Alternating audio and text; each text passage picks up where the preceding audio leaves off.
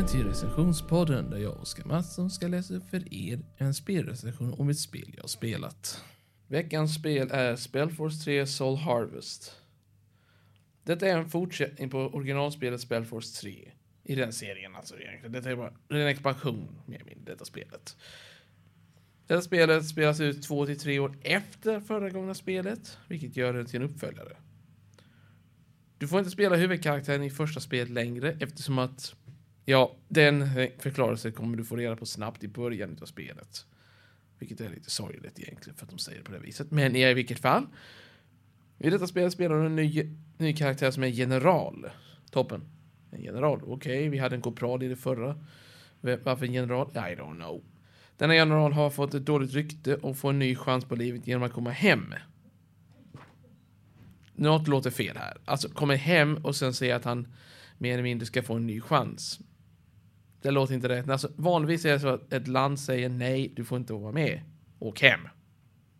Till där du hör hemma och sen flytta till nästa land. I vilket fall. Allt börjar ju med att han försöker komma hem och uppleva sitt nya liv där. Efter att ha varit ute i utlandet eller i ett annat land och kämpat med fiender där. På början av resan så kommer ni få träffa på olika nya faktioner som till exempel dvärgar och svartalver. Eller mörkalver, hur man nu uttalar det. Dvärgarna i sin tur har en specialförmåga att de inte gillar träd. De gör det till kol. Varför kol? Därför de använder det till sina ugnar. Varför inte använda ved? Därför det är till rök. Därför så omvandlar de träd till kol, vilket är ganska konstigt. Men i alla fall. Svartalverna lever ju på, använder på annat vis. De använder inte normalt annat material, de använder sten. Vilket gör dem unika. De tillåter träd, men de gillar inte vissa andra material. Men de använder sten för att konvertera till något annat material. Stenblock. Ja. Imponerande. Du kan också använda människorna igen, som föregångna spelet hade. Men de är neutrala i spelstilen fortfarande. Alltså balanserade.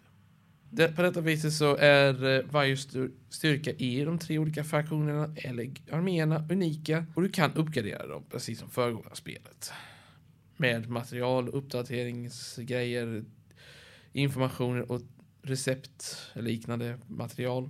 Allt detta börjar med din upplevelse med att du har varit med om en katastrof. Du miste din armé, eller en grupp, alltså en skvadron av dina soldater. Och du glöm, har glömt bort vad som hände. Du kommer inte ihåg exakt vad som hände. Du har glimtar, eller glimtar utav vad som hände. Detta är mer eller mindre hur din berättelse börjar. Och du kommer att spela som generalen som jag nämnde. Hans efternamn är bestämt som föregångna spelet, men ditt förnamn får du välja själv.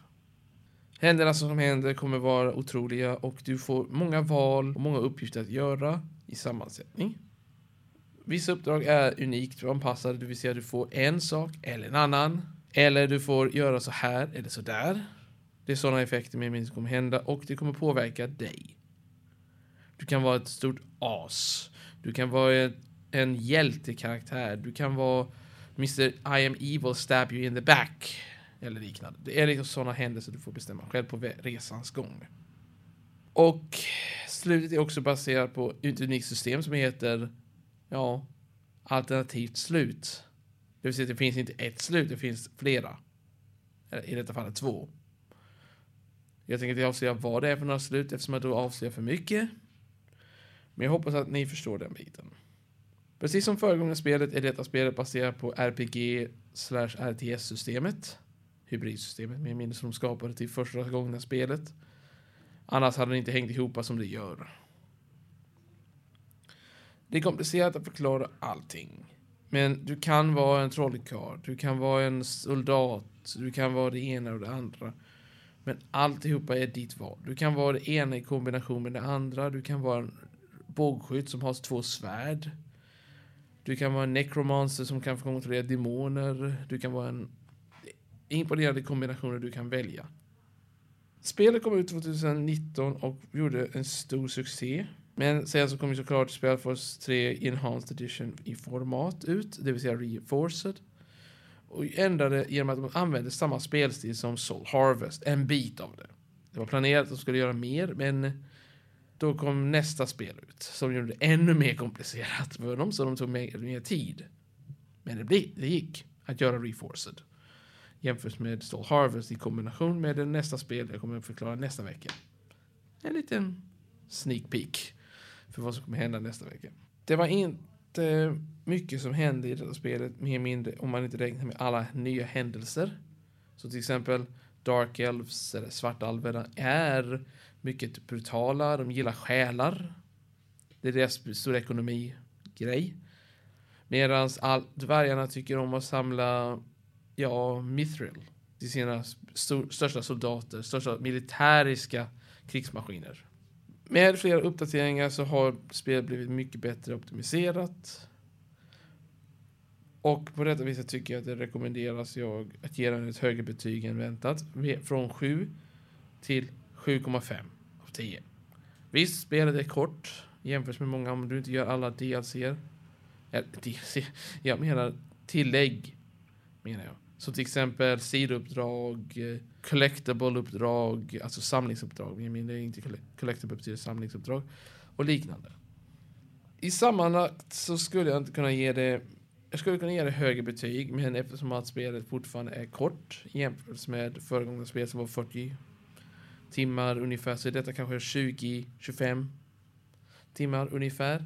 Om du gör det snabbt, men gör alla sidouppdrag som jag gjorde. Men om ni tar det sakta och lugnt kanske ni får över 30 timmar utav detta spel. Om ni tar det lugnt och sakta och inte tar det på lättaste svårighetsgrad som jag gjorde. För jag gillar story mode. Det är mitt problem. Men ett kan vara annorlunda.